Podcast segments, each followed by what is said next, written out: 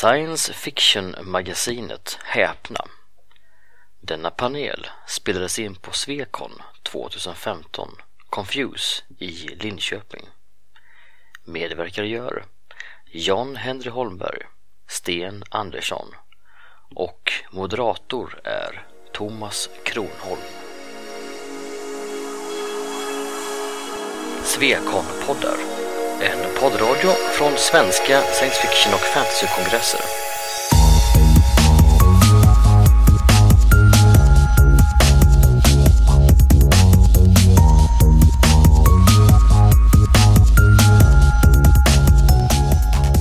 Okej, hjärtligt välkomna till den här panelen om eh, häpnad. Nej, Thomas. Ett, ett, eh, jag, jag är ledsen att jag måste avbryta. Eh, Jaså, det, det var- det är väldigt oförskämt. Det är oartigt. men li, livet är inte bara en dans på rosor. Det, det går upp och det går ner. Du får ta det onda med, med det goda.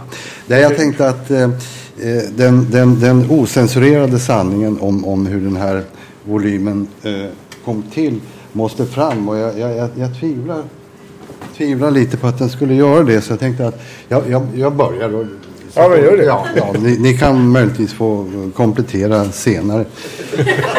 Eh, det, det, det, det började faktiskt, som vanligt skulle jag säga att John Henry var, var, hälsade på.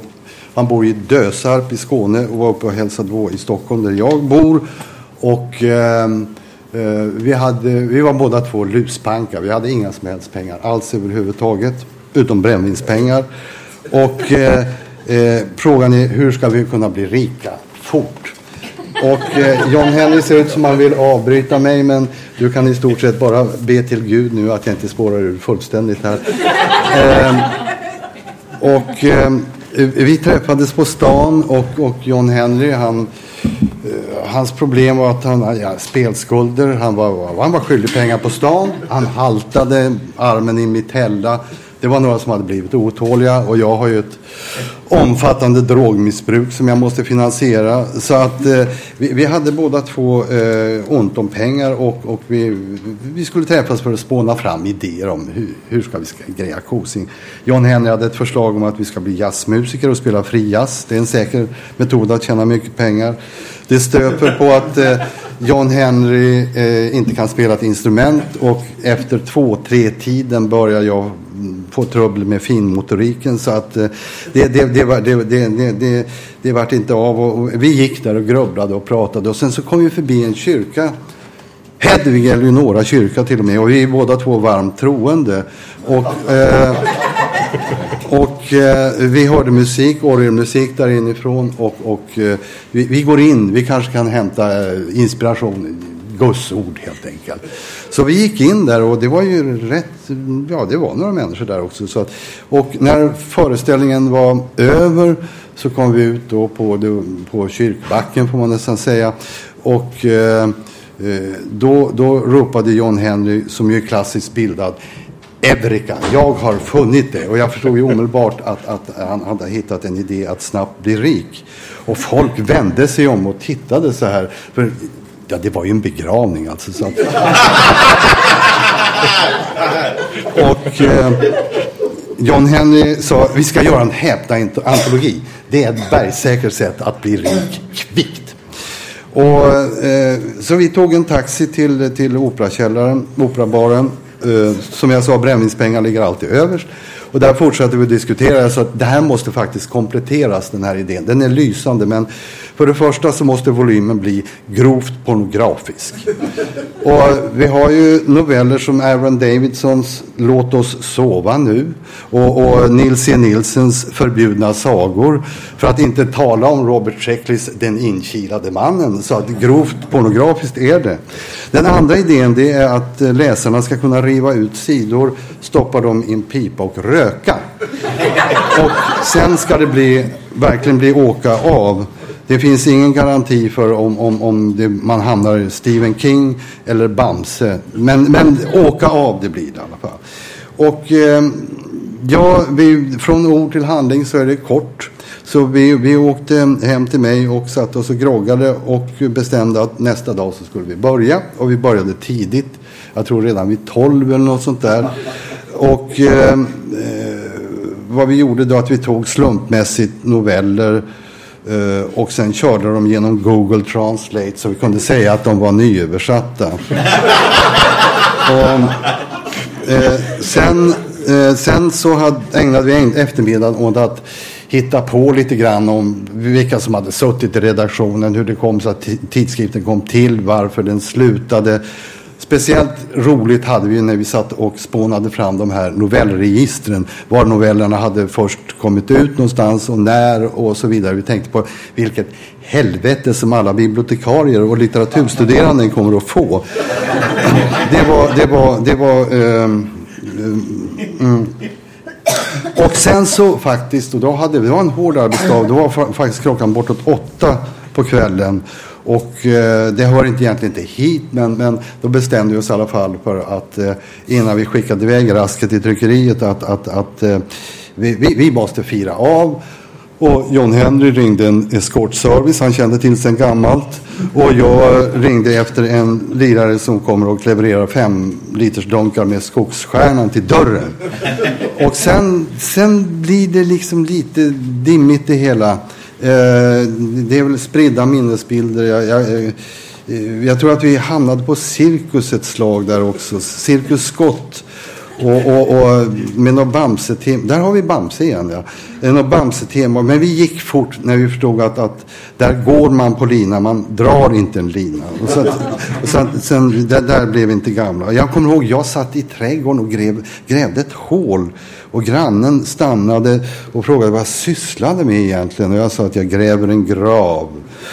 Och grannen sa, men vad, har dött? Ja, det är min guldfisk Pelle. Men varför gräver du ett så stort hål? Det är för att han ligger i magen på din kattjävel.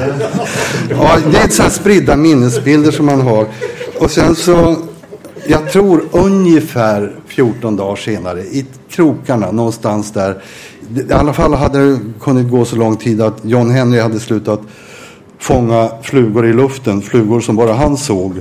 Och jag, jag såg inte längre små poliser under byrån utan eh, och någon gång, vi måste i alla fall ha fått iväg det här eh, joxet till tryckeriet för att det låg i alla fall eh, på, på trottoaren utanför hemma hos mig. Och vi var ju inte i form direkt att bära så att eh, eh, jag lovade grannens barn, det är tre, tre tioåringar, att de får bära in, bära in böckerna i garaget. Och det gjorde de, men de kan ju vänta på betalningarna, ungjävlarna.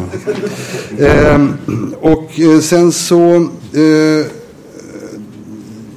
då är vi egentligen framme vid, eh, vid nu. Och eh, eh, jag kan tänka mig att det kanske finns några små detaljer att korrigera John eh, något, något lägga till. Att mitt minne är väl inte riktigt helt. Alltså, 90-talet är helt blankt för mig. Eh, om någon av oss har träffats under 90-talet då vet ni varför jag inte bett om ursäkt ännu. Så att, eh, och, eh, eh, så att nu, nu efter att ha lagt fram den här osensurerade versionen så jag är öppen för mindre korrigeringar John Henry. Så att du, du, du, jag överlämnar ordet eh, till, till, till dig. Okej.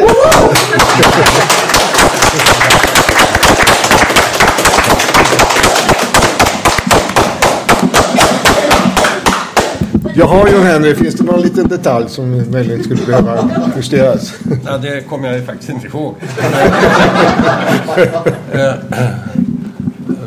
Han glömde när vi ritade alla bilderna. Ja, det. Som, som faktiskt, det finns många fina teckningar här. Eh, de flesta är av mig faktiskt. Eh, Sten är inte så bra på figurer. Men eh, här till exempel är en sån här förnämlig Sten Andersson-pastisch. En, eh, O-illustration av Sten Andersson. som är rätt rolig. Eh, ja, nej. Eh, problemet är att vi inte har blivit tillräckligt rika än därför att det är för få av er som har köpt den här utmärkta boken. Den finns dock till salu eh, av Fran Andersson eh, i försäljningsrummet. Varför gör man en bok om häpnad? Eh, mer än att för att bli rik. Man kan ju bli rik på så många sätt som sagt. Man kunde ha gjort en bok om Piff. En spännande svensk pornografisk tidning där Dennis Lindbom hade science fiction-noveller faktiskt en gång i tiden. Eh, till, misstänker man, läsarnas stora förvåning. Um, ja, om det inte hade varit för denna blaska, häpna, så hade vi nog inte suttit här. Uh, är mikrofonen på? Är mikrofonen på? Inte vet jag. Eh, Okej. Okay. Eh, 1954 så fanns det en liten smula science fiction i Sverige. Eh, ett par förlag försökte med enstaka böcker och sådär. Eh, men det var få som läste dem. Alldeles uppenbart eftersom all sån utgivning lades ner ganska snabbt. Och eh, kritiken var väldigt blandad. Det fanns entusiastiska förespråkare som tyckte att vi skulle ha mera sånt där konstigt i Sverige. Och så fanns det många som ansåg att det var Eh, USA-imperialistisk goja eh, importerad för att eh, fördärva svensk ungdom från den rätta vägen. Eh, och att det borde förbjudas. Eh, men det fanns ingen SF-rörelse eller någonting sånt. Det fanns inga svenska fans egentligen. Utom några få enstaka entusiaster. Det hade bildats en liten förening som hette Futura i Stockholm. Eh, 1950 och den hade väl 54 ett tiotal medlemmar kanske som hade hittat varandra genom att gå runt och fråga folk om de läste science fiction. eh, på gatan då. Eh, eller möjligen i spårvagnen, en av dem var spårvagnsförare. Eh, det fanns också en förening i Malmö med fyra, fem medlemmar eftersom alla som inte läste science fiction startades som sällskapsförening, pojke möter flicka-förening. 49, eh, någonting sånt.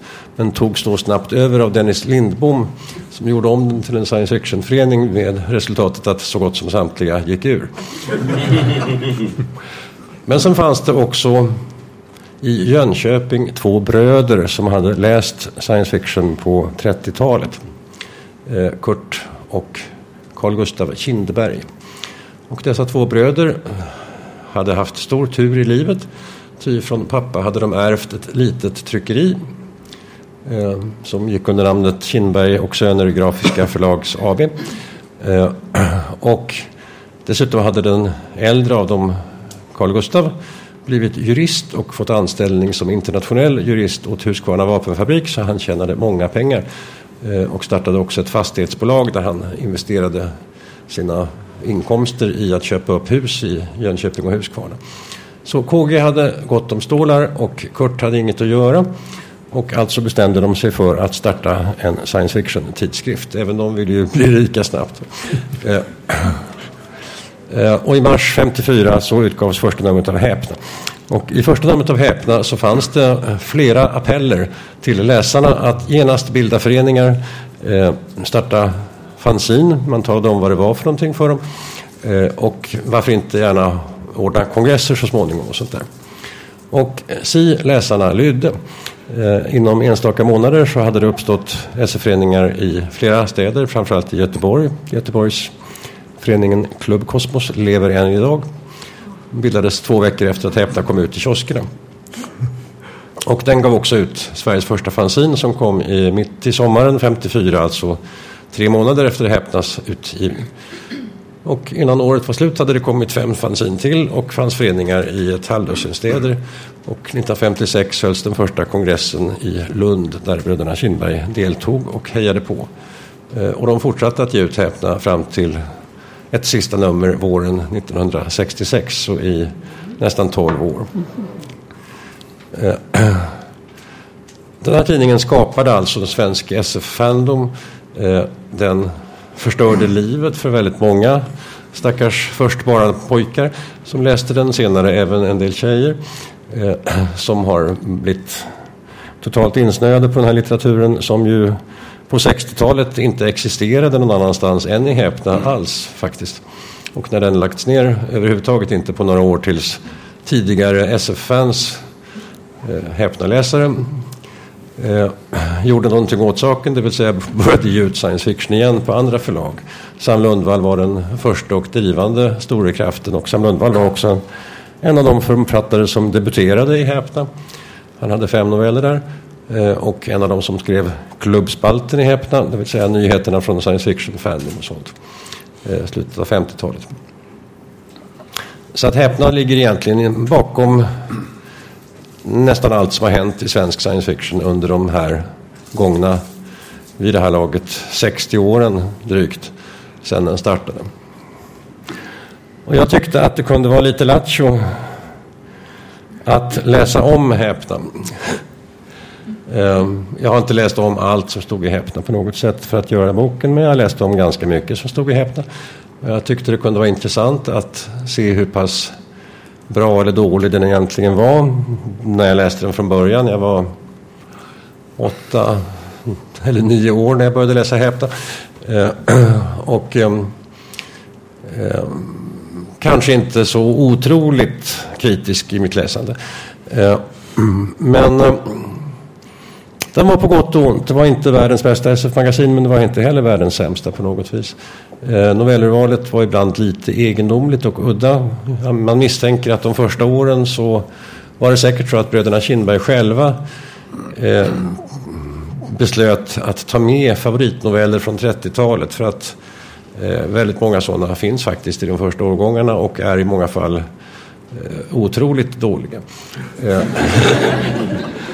Men eh, gradvis, framförallt de nummer som kom ut på 60-talet så hade man fått nya människor med i redaktionen. Framförallt en kille som heter Lennart Sörensen som aldrig någonsin fick sitt namn i redaktionsrutan eftersom denna man gjorde tydligen en kliché på den och använde den oförändrad under tidskriftens hela existens.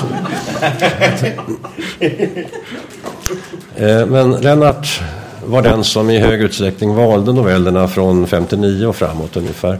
Och han var mycket modern och mycket litterär. Litteraturvetare från Lund som sedermera blev eh, lektor vid Lunds universitet. Eh, och han översatte mycket av tidningen och valde också merparten av novellerna de sista åtskilliga åren.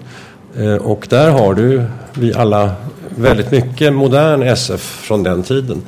Alltså eh, i den förekom J.G. Ballard publicerades första gångerna i Sverige på svenska i Häpna. Eh, och andra brittiska författare som var ganska nya. Under Sörensen eh, började det också komma en del kvinnliga författare häpnadsväckande. Alltså Häpna publicerade totalt 550 skönlitterära verk ungefär i runt tal. Och av dem så var eh, färre än 30 skrivna av kvinnor. Eh, och Eh, nästan två tredjedelar av dem publicerades de sista enstaka åren. Eh, men då kom också ett par stycken rätt radikala noveller. Det erkänner jag utan förbehåll att jag hade absolut noll minne av någon sådana texter i Häpna. Eh, men jag misstänker att man som liten gosse i Stockholm eh, vid i tioårsåldern inte reagerar på starkt feministiska noveller på den tiden. Eh, idag när man läser dem så är man förvånad över att de fanns där faktiskt. För att Häpna i övrigt var inte socialt sådär jättemodern kanske i sin inriktning.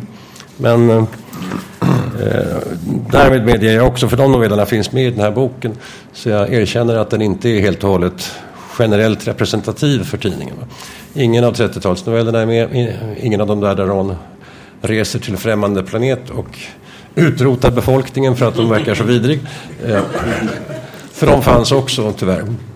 Eh, Thomas Kronholm kan berätta mer om det för han tycker att några av dem var ganska bra. Eh, men det fanns annat. Och många av dem är lite roliga att läsa idag tycker jag. Det finns med här Arthur C. Clarks första sålda novell den trycktes 1946, heter Räddningsexpeditionen.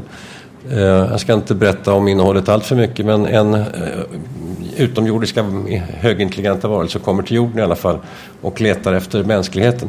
Och man, under sökandet så råkar man komma in i det gigantiska byggnadskomplex som utgör centraladministrationen för planetregeringen.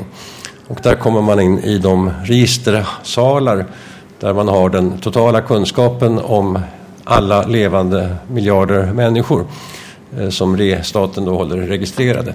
Och den hittar man då i en miljon arkivskåp fulla med hålkort. Eh,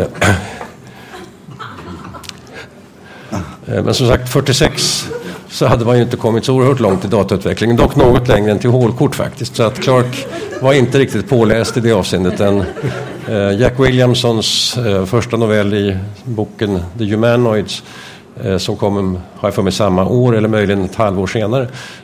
Där har man åtminstone gått över till att robotarna styrs nu av reläer. Så att man har fått, för eftersom man har en miljard robotar så har man fått urholka den största av asteroiderna och fylla den med reläer. Där hjälten kommer in där och det klickar av bara helvete. Jo, en, jag ser, läser i partiprogrammet en väldigt relevant fråga. Hur påverkade valet av material synen på SF i Sverige, det vill säga synen på SF i Sverige idag? Ja, eller då. Ja, ungefär som jag sa. Alltså det, jag, jag trodde att häpna, jag, ärligt talat så trodde jag att den skulle vara sämre än den visade sig vara. Eh, samtidigt så fick den ju 58 en bättre konkurrent när eh, amerikanska tidskriften Galaxy började komma i en svensk utgåva som bara kom ut tyvärr i, i knappt, ja, drygt, ungefär två år. Upphörde sommaren 60 efter 19 nummer. Eh, och det var väldigt bra science fiction i den tidskriften. Eh, bättre i genomsnitt definitivt än Häpna. Men Häpna hade enstaka noveller som var väl så bra som någonting i Galaxy. Och den publicerade som sagt oerhört mycket science fiction. Häpna utgör i sig förmodligen den största förlagssatsningen på SF eh, genom åren i Sverige eftersom den här tidningen faktiskt kom ut med 119 nummer på i snitt eh, något över 100 sidor faktiskt. Jo, men ekar Häpna idag så att säga? Har mm. vi ekot av Häpna idag? Ja, oh ja, därför att Häpna är lite intressant för alla som läser science fiction. Den ger ett urval Boken mindre då eftersom det är ett så litet urval ändå. Här finns med ett 20-tal av de här 550 texterna. Ehm, men tidskriften Häpna ger en ganska god bild av hur science fiction såg ut under magasintiden, alltså den period när SF primärt förekom som noveller och primärt publicerades i novelltidskrifter. Och ur den SF-litteraturen härstammar hela dagens existerande SF-litteratur. Så på gott och ont. Eh, det här var tidskrifter som skulle kunna läsas ganska snabbt av ganska unga läsare. Eh, den fick inte vara eh, den var idé och handlingsinriktad, inte personinriktad. Det här finns fortfarande kvar mycket i SF. Alltså personskildringen i science fiction är ju inte av samma slag eller lika genomförd som i så kallad seriös litteratur. Eh, utan science fiction eh, baseras mycket mer på att visa effekten av eh, förändringar och innovationer. Och det, SF är också sämre, får, får man väl säga, på att eh, diskutera sociala och beteendemässiga effekter av förändringar än på eh, tekniska och övergripande, möjligen politiska effekter av förändringar. Men, men, är det säkert att vi hade suttit här idag? Hade svensk fandom häpnat? Skapade häpnat svensk fandom? Eller? Ja, den skapade svensk fandom odiskutabelt. Alltså huruvida den hade funnits utan häpna går ju naturligtvis inte att svara på. Eh, det är tänkbart. Va? Det fanns som sagt ett par väldigt, väldigt små föreningar redan före Häpna. Men de hade ju otroligt svårt att nå ut till några människor. Det finns, jag har, finns med i boken på olika håll en hel del minnen eh, som jag har citerar från olika skribent eller medverkande och aktiva SF-människor som har skrivit om det eller blivit intervjuade om det. Eh, en gripande sån skildring av en sedermera professor på Tekniska högskolan. Eh, är från när han fick kontakt med eh, där SF-föreningen Futura i Stockholm. Eh, därför att för att tillverka nya medlemmar så visade det sig att Futura eh, bedrev något slags barnkrubbeverksamhet där man plockade in småpojkar i 8-10 års åldern. Och så satt då någon av Futuras medlemmar som någon slags lekledare och läste science fiction-noveller högt för dem. Eh, och denne teknolog var en sån här Futura-gosse då. Uh, till föräldrarna sa han att det var en scoutförening. för att han var väl medveten om att de skulle inte ha gillat de här konstiga historierna om raketer och robotar. Men den här frågan om vi hade haft en Fandom i Sverige Jag hade för utan Turas Hetman. satsning lyckats så hade vi fått i alla fall. Ja, precis. Och man kan ju se på Danmark till exempel. Danmark har ju haft en Fandom, inte lika länge kanske. Och eh, Finland Nej. har ju också en Fandom. Utan Ja. att ha ett magasin på det sättet. Alltså, men Danmark är ett lite intressant exempel. Jag, jag, det finns med i eh, mina efter, lång, långrandiga diskuterande efterord här. Eh, att Fandom, eh, eller Danmark hade eh, ungefär samma, faktiskt titelmässigt i många fall exakt den samma SF-utgivningen i bokform på 50-talet som i Sverige. Och hade dessutom intressant nog en inhemsk av kritiken erkänd SF-författare, en man som hette eh, Nielsen Nielsen eh, som skrev ett 25-tal science fiction-romaner från början av 50-talet och fram till sin död eh, på 90-talet. Eh, och Nielsen eh, jämfördes ofta med Ray Bradbury, vilket är rätt rättvisande. Han hade samma typ av poetiskt språk och så, men Nielsen var lite mer teknikinriktad och också eh, mer inriktad på att varna just för krig och så. Eh, hur som helst. Eh, Danmark borde alltså haft ungefär samma förutsättningar som Sverige men saknade någon tidskrift. Och i Danmark existerade inga SFNs, kända för omvärlden i varje fall, förrän i början på 1970-talet egentligen. Eh, då hade nämligen en eh, litteraturkritiker och poet som hette Jannik Stam. upptäckt modern brittisk new, nya vågen science fiction och var hysteriskt förtjust i Ballard och Mike Moorcock och sådana författare. Och lyckades överta, dels skrev han, började han skriva om, om sån här science fiction i dagspressen och dels så lyckades han övertyga först ett och sen ett ytterligare förlag att låta honom redigera bokserier med den typen av SF. Och hans verksamhet då ledde till att han fick kontakt med danska entusiastiska SF-läsare. Eh, Det blev, kom till nya danska SF-författare som började skriva det här idiomet och då började det bildas, då bildades en, en SF-förening i Köpenhamn som började hålla kongressen 1977 tror jag var den, nej 75 var nog den första och 77 den andra. Eh, Där, där finns en ytterligare komisk historia. I tiden danska kongressen 75 höll man i Ungdomens hus vid Rådhusplatsen i Köpenhamn. Eh, som man fick låna gratis så att, eh, för att då sprida väckelsen. Eh, så visade man väldigt många SF-filmer och höll samtidigt föredrag om dem och sånt där. Och så var, var det fritt inträde. Och man hade hoppats få 500 personer men det kom 3000 under en helg. Och danskarna jublade för att de insåg de att intresset för science fiction i Danmark var otroligt mycket större än de hade kunnat hoppas. Så 77 när de hade sin andra kongress då hyrde de lokaler för 8000 personer ute på Köpenhamns universitet som ligger då tre kilometer från centrum. Eh, och så plockade de in dit hedersgäster från England och USA och så arrangerade de ett program med fyra parallella programspår i många små rum. Och eh, så tog de inträde. Och då kom de, jag minns rätt, 125 personer.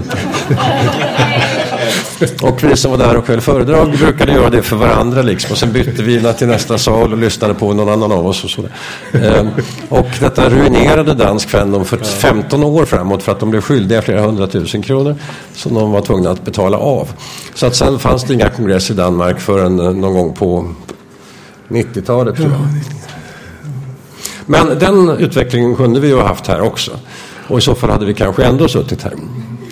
Eh, som det blev nu så gör vi det på grund av Häpna faktiskt. Och Lars-Olof Strandberg som läste den från första numret och gick på den första kongressen i Lund 56 eh, vet allt om det, allt det hemska som har följt på denna nya blaska.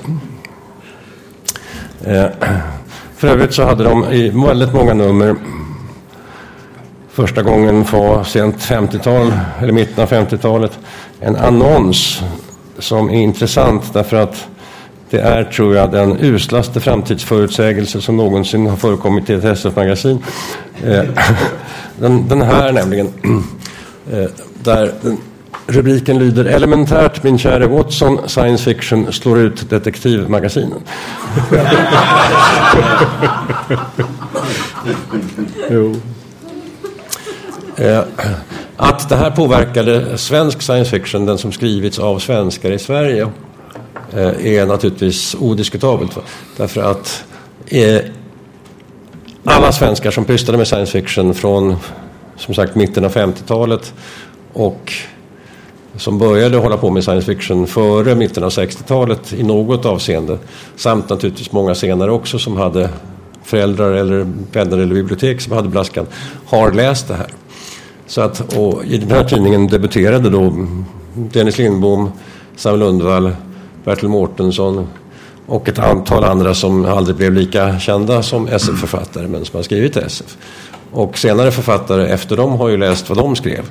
Så att det finns ju en kontinuerlig rad av influenser av hur man skriver SF och vad det ska gå ut på och sånt där som kommer härifrån. Detta är nog också skälet till att vi har två svenska litterära SF-traditioner. En så att säga med SF som är skriven av folk som är SF-fans och har läst mycket SF.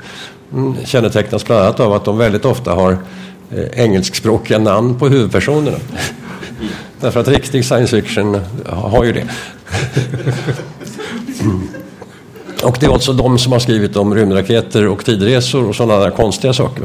Sen har vi den inhemska riktiga svenska science fiction som då vanligtvis är dystopiska framtidsbilder där folk heter Svensson och Nilsson och som inte har med en massa rymdraketer och konstiga saker för att det ingår inte i den svenska litterära traditionen. Så att vi har så att säga i landet en anglosaxisk SF-tradition rätt mycket startade via Häpna och en svensk SF-tradition som så att säga går tillbaka till sånt som, som Karin Boye och andra seriösa författare som ville skriva om framtiden men som inte alls trodde på teknik för det ska vi inte göra i Sverige.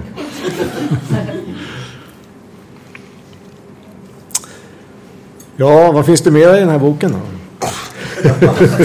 finns det någonting? Tjat, tjat, tjat. Är det meningen att folk ska köpa den för att ta reda på? Jag tänkte... Man får allt i förväg. Nej, så kan man ju också göra. Man kan också locka med vad, den kan ja. innehålla. Alltså den är, boken är indelad i två delar. Den första delen som heter Ur häpna eh, innehåller eh, ett tjugotal noveller, en dikt samt eh, exempel på andra texter ur häpna. Där finns alltså den första redaktionsledaren i det första numret som presenterar eh, tidningens syn på SF och sånt där som jag tyckte var lite intressant. Eh, där finns det urval av senare ledare som diskuterar science fiction på olika sätt och vis, skrivna av Sörensen. Också intressant därför att han var nog den första svenska litteraturvetare av något slag som, som seriöst försökte diskutera SF eh, olika former av SF och vad litteraturen gick ut på och hade för poäng. Det finns ett exempel i form av tre återtryckta kongressrapporter på den typ av material som Hepland publicerade om SF Fandom. Eh, det är då kongressrapporter från den första kongressen i Lund och från den, en av dem i Stockholm på 50-talet och från en, en pytteliten som hölls i, hemma i vardagsrummet hos poeten Elsa Grave i Halmstad eh, 1959. Och så finns här självklart ett urval recensioner av Roland Adlebert av nya böcker. Adlebert skrev alltså eh, bokrecensionerna i Häpna från, från tredje eller fjärde numret, 54, och fram till dess tidningen eh, lades ner. Och fortsatte ju efter det, som många vet säkert, i att skriva om SF-böcker också i i från det den startades 72 i Askel och Kärnekulls regi eh, och fram till någon gång på sent 80-tal vill jag minnas när han hade fått Alzheimers tyvärr. Eh, och Adalbert eh, har var, var och det, det skrivs en del om det här också, han var en av science fictions största profeter eller popularisatörer eller, eller propagandister i Sverige. Han skrev om SF överallt. Eh, inte minst under hela sin karriär från sent 40-tal. Han var bibliotekarie till yrket. Eh, som recensent i Bibliotekstjänst Sambindning. Eh, där han, så vitt jag har sett, aldrig har skrivit något negativt om någon enda science fiction-bok som han har fått recensera. Eh, vilket då var en, ett fantastiskt stöd för den svenska utgivningen av science fiction. För förr i tiden eh, så köptes ju en bok som fick, som, som en recensent Sambindningen skrev, var, var, en lysande bok som måste finnas i alla bibliotek.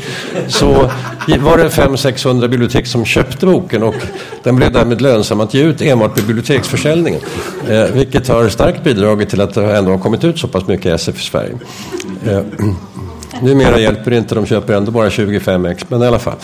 Eh, Men de korta recensioner som han skrev här, de var ju inte alltid så alldeles eh, positiva.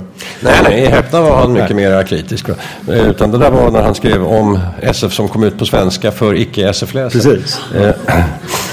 Det är en väldigt speciell stil när han skrev i Häpna. I Häpna var han oerhört raljant och hittade på egna ord och sånt där, ganska roligt. Eh, och därefter så, det här ur Häpna omfattar då 300 sidor i boken ungefär. Eh, och eh, är hyfsat fylligt. Eh, alla texter har förord av mig själv men de är bara en sida per text i alla fall. Därefter kommer man till andra delen som heter omhäpna. och det finns, finns ju en del till i det här. Va? På den tiden så var det ju alltid lite teknik och lite naturvetenskap. Ja, just det. Det finns med en, en mycket, mycket litet uh, urval. Det är bara ett par sidor. Ja, nej, men det visar ändå att det, att det ingick i, i ja, eh, på den De flesta nummer bara... hade en, en spalt som hette Från vetenskap och teknik. Ja. Uh, oftast översatta från engelska där brittiska SF-författare knäckte extra på att skriva sådana artiklar till brittiska SF-magasin. Men i många fall också skrivna av, av svenskar. De är inte helt aktuella idag då. Nej, och även redan då var väl urvalet man skrev om lite konstigt. Häpna förespråkade under en period, hade sina knäppheter för sig. Egentligen borde man ha tryckt om någon av deras stora artiklar där de talade om att antigravitationen snart skulle vara här. Men de var mycket längre. Eh, sen finns det som sagt hundra sidor som heter Om häpna. Ja, här kan väl instickas att eh, eh, i, i författarporträttet som jag skriver, skriver eh, om eh, John Henry Holmberg så skriver jag att eh, John Henry har, har, ordet i sin makt och ibland tvärtom. Så det har varit ett, jag ska inte säga gräl, det är inte för vi är goda vänner, men det har varit ett slagsmål om hur långa de här texterna ska vara. Mm. Och jag tror det har landat i någonting som blir eh, lagom. Förhoppningsvis. Ja. Eh, alltså det är riktigt att för att allra sist så finns det också ett register till Häpna och det är då ett där rent fnoskregister. Jag presenterar här för första gången originaltitlarna på allt översatt material i Häpna eh, och talar om var det trycktes först och sådär. Eh, genom detta arbete har jag också upptäckt då att Häpna till exempel hade eh, satte egna falska pseudonymer på noveller av ett antal författare. Det eh, eh, finns mm, Robert Sheckley har två noveller under ett namn som han aldrig har använt någon annanstans än i Häpna till exempel. Eh, man kan fråga sig varför. Kan det vara så? Det, den, den värsta tolkningen är förstås att så gjorde man för att slippa betala alls. Eh, den något snällare tolkningen kan vara att en del av de här eh, novellerna som försätts med dessa eh, udda namn publicerades kort efter att svenska Galaxy hade startat och var av noveller som hade stått i amerikanska Galaxy. Och det är ju naturligtvis så att svenska Galaxy hade ensamrätt på material ur Galaxy i USA och alltså skulle då häpna, även om de hade haft novellerna färdigöversatta, inte fått lov att publicera dem. Så det kan vara därför. Vi får se. Det finns några teorier. Eh, men hur som helst, det här ledde till en ohygglig massa knappologisk kunskap som jag var ivrig att förse alla läsare med och herr Andersson tyckte att det kunde ibland gå lite för långt och förmodligen hade han rätt i det. Alltså. Eh, den allra första delen, första lilla kapitlet i det här om häpna har jag dock inte skrivit själv. Eh, ja, de första två. Eh, dels så finns det med en förkortad version av en, som jag tycker, fruktansvärt rolig analys av just Adlerberts recensionsspråk och egna eh, originalformuleringar och påhittade ord skriven av en numera tyvärr död framstående svensk SFN som också var docent i biokemi vid Uppsala universitet som heter Ingvar Svensson. Och den har jag tryckt om för den tyckte jag förtjänar att bevaras till eftervärlden. Och det andra är det allra första lilla avsnittet av texten som är ett försök att ge en tidsbild av Sverige 1954 ungefär. Och med den, till den har, har först GVN och sen så skrev herr Andersson om den så radikalt att inget, inte ett ord fanns kvar tror jag. Och, eh, sen så skrev jag om herr Anderssons version en del också. Men väldigt många av hans ord finns kvar så den är i varje fall ett, ett samarbete med herr Andersson nästan som, som förmodligen majoritetsbidragsgivare. Eh, resten är dock alldeles min egen text. Samt sist, här finns en, ganska många bilder och det är alltså inte ofta bilder som hör till de noveller som är tryckta. Eh, men det är åtminstone något exempel på Eh, varje svensk illustratör som tecknade i Häpna. Och en av dem, lite kul, var Hans Arnold faktiskt som hade ett antal teckningar i tidiga Häpna-nummer. Eh, annars var det svenska SFNs. Eh, Bo Stenfors tecknade i Häpna. Dock inte så många nakna flickor. Eh, han var berömd på 50-talet. Han var den enda svenske fan som lyckades få sina fanzin. De hette förresten Sexy Venus. Eh, beslagtagna av amerikanska posten. som obscent material. Eh, och eh, ja, eh, exempel på omslag finns på fram och baksidan. Och inuti finns också en liten artikel, bara ett par sidor om vilka som gjorde omslagen och sådana där saker. Och där talar man om vem som har målat vart och ett av dem som är med på boken i alla fall. Japp. Jo, det, här, ja, det, var, det här är ju en epok. Alltså, vi, vi måste öppna nu för lite frågor från publiken. Har vi några, några som har läst Häpna på den tiden det begav sig? Lars-Olof? Jo. vet ju alla namnen av Häpna och var tacksam när tidningen kom. Ja. Gav ju impuls till, till kongressen i, Mal i Lund 56. Jo, det Häpna verkligen gjorde det var ju just det här att, eh, att ta, ta tag i, i fansen på olika sätt.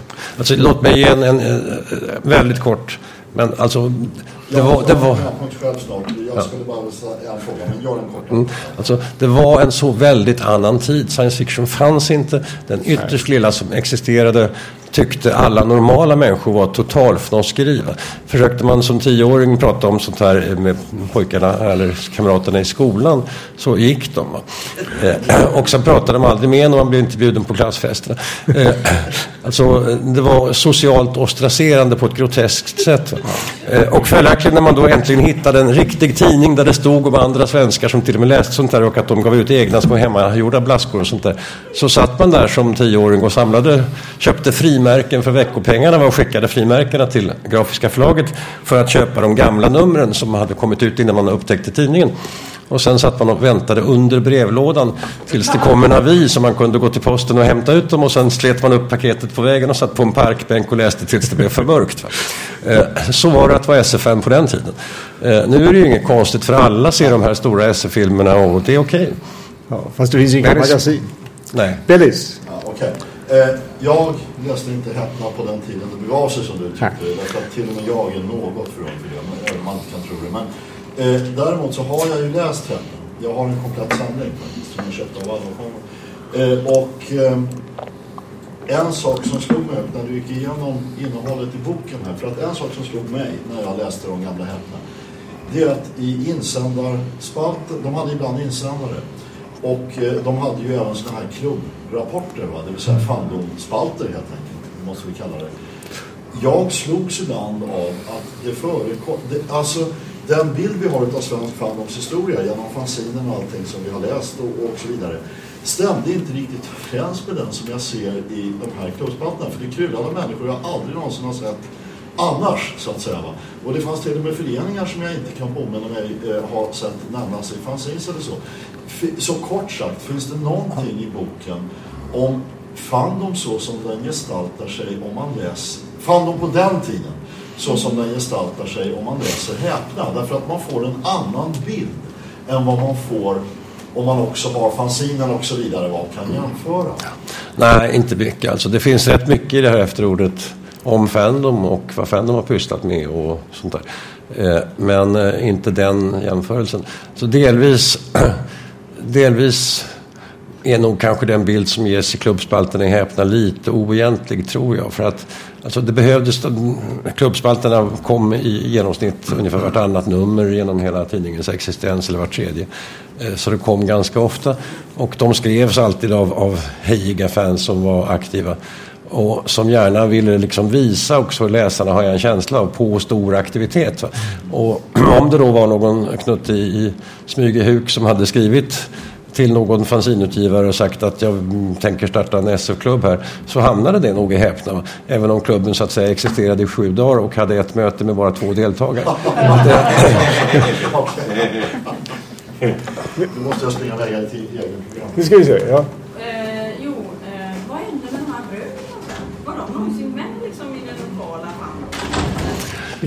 Eh, den lokala fanen i Jönköping bestod nog av bröderna i huvudsak. Även Sture Lönnerstrand, Jönköping är centralt i svensk science fiction för även den första svenska SF-författaren Sture Lönnerstrand var ju från Jönköping. Eh, men de kände inte varandra före häpna mötet. Eh, bröderna, skälet till, det är en gissning för det har inte gått att belägga det. Men i min gissning att Häpna upphörde inte för att den förlorade pengar eller gick jättedåligt. Eh, den förlorade förmodligen pengar under så gott som hela sin existens och den gick nog aldrig jättebra även om KG Kindberg har sagt mig att den som mest sålde nästan 8000 exemplar. Mm. Eh, det var slutet på 50-talet. Eh, men den kostade ju 1,25 och även om pengar var mer värda på den tiden så var det nog ingen, inte så att den gav något väldigt överskott.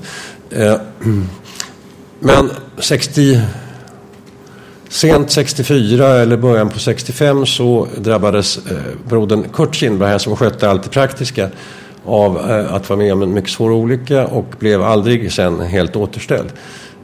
Han levde fram till 1999 så det var inte så att han dog i väldigt unga år. Han blev väl 80. Men han eh, kunde inte jobba med tidningen längre och KG var ju den som var jurist för Husqvarna och skötte sina fastigheter och sånt där. Så att det där ledde tror jag till att Häpna lades ner, annars hade den fortsatt att komma ut. Eh, bröderna levde väl så vitt jag förstår väl. Eh, jag fick kontakt med dem när de tog kontakt med mig faktiskt 1978 och ville göra comeback i science fiction. Eh, då hade väl eh, KG Kindberg pensionerat sig en känsla och sysslade bara med fastighetsaffärerna. Och så ville han att hans son Olle skulle ha något att pyssla med så han hade då byggt eh, en tryckeriindustri i ett industriområde utanför Jönköping åt sonen Olle. Kinbergs Kindbergs grafiska industri som Olle fick då för att vara vd för. Och något skulle de ju då ha att ge ut så han bad mig och Eh, med mig också mina goda vänner Per Insulander och Jan Ågren att redigera en science fiction-utgivning åt dem på Kindbergs förlag som därmed startades.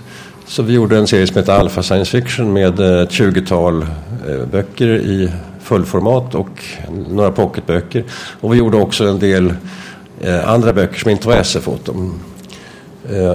Så att vi hade hand om den utgivningen och den var alltså samma bröder Kindberg. Då. Sen fick de trassel för att personalen sa upp sig och tryckeriet sköttes dåligt och såldes av och sen så var väl den Kindbergska SF-sagan all för att därefter dog bägge bröderna under 90-talet. Ska vi se, Arvid var först. Får jag spela på lite bara? Ja, ja. Jag kommer från Jönköping och ja. känner familjen. Ja.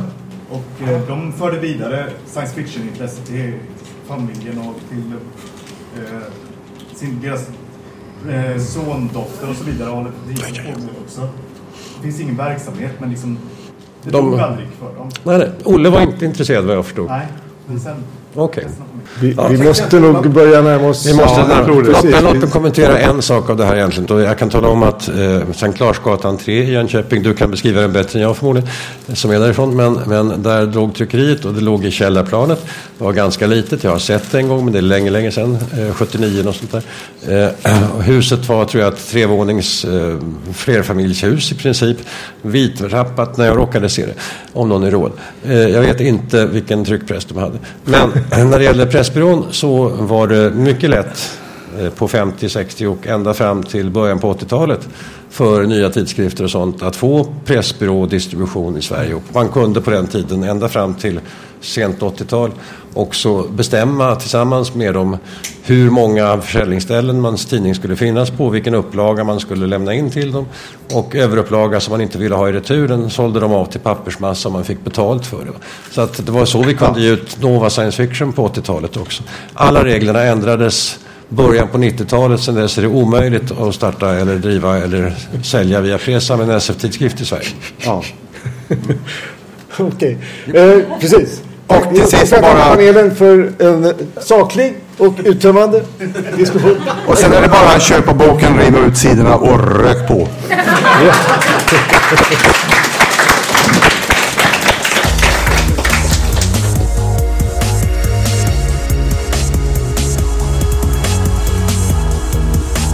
Musiken musiken av Psychedelic Pedestrian från Free Music Archive.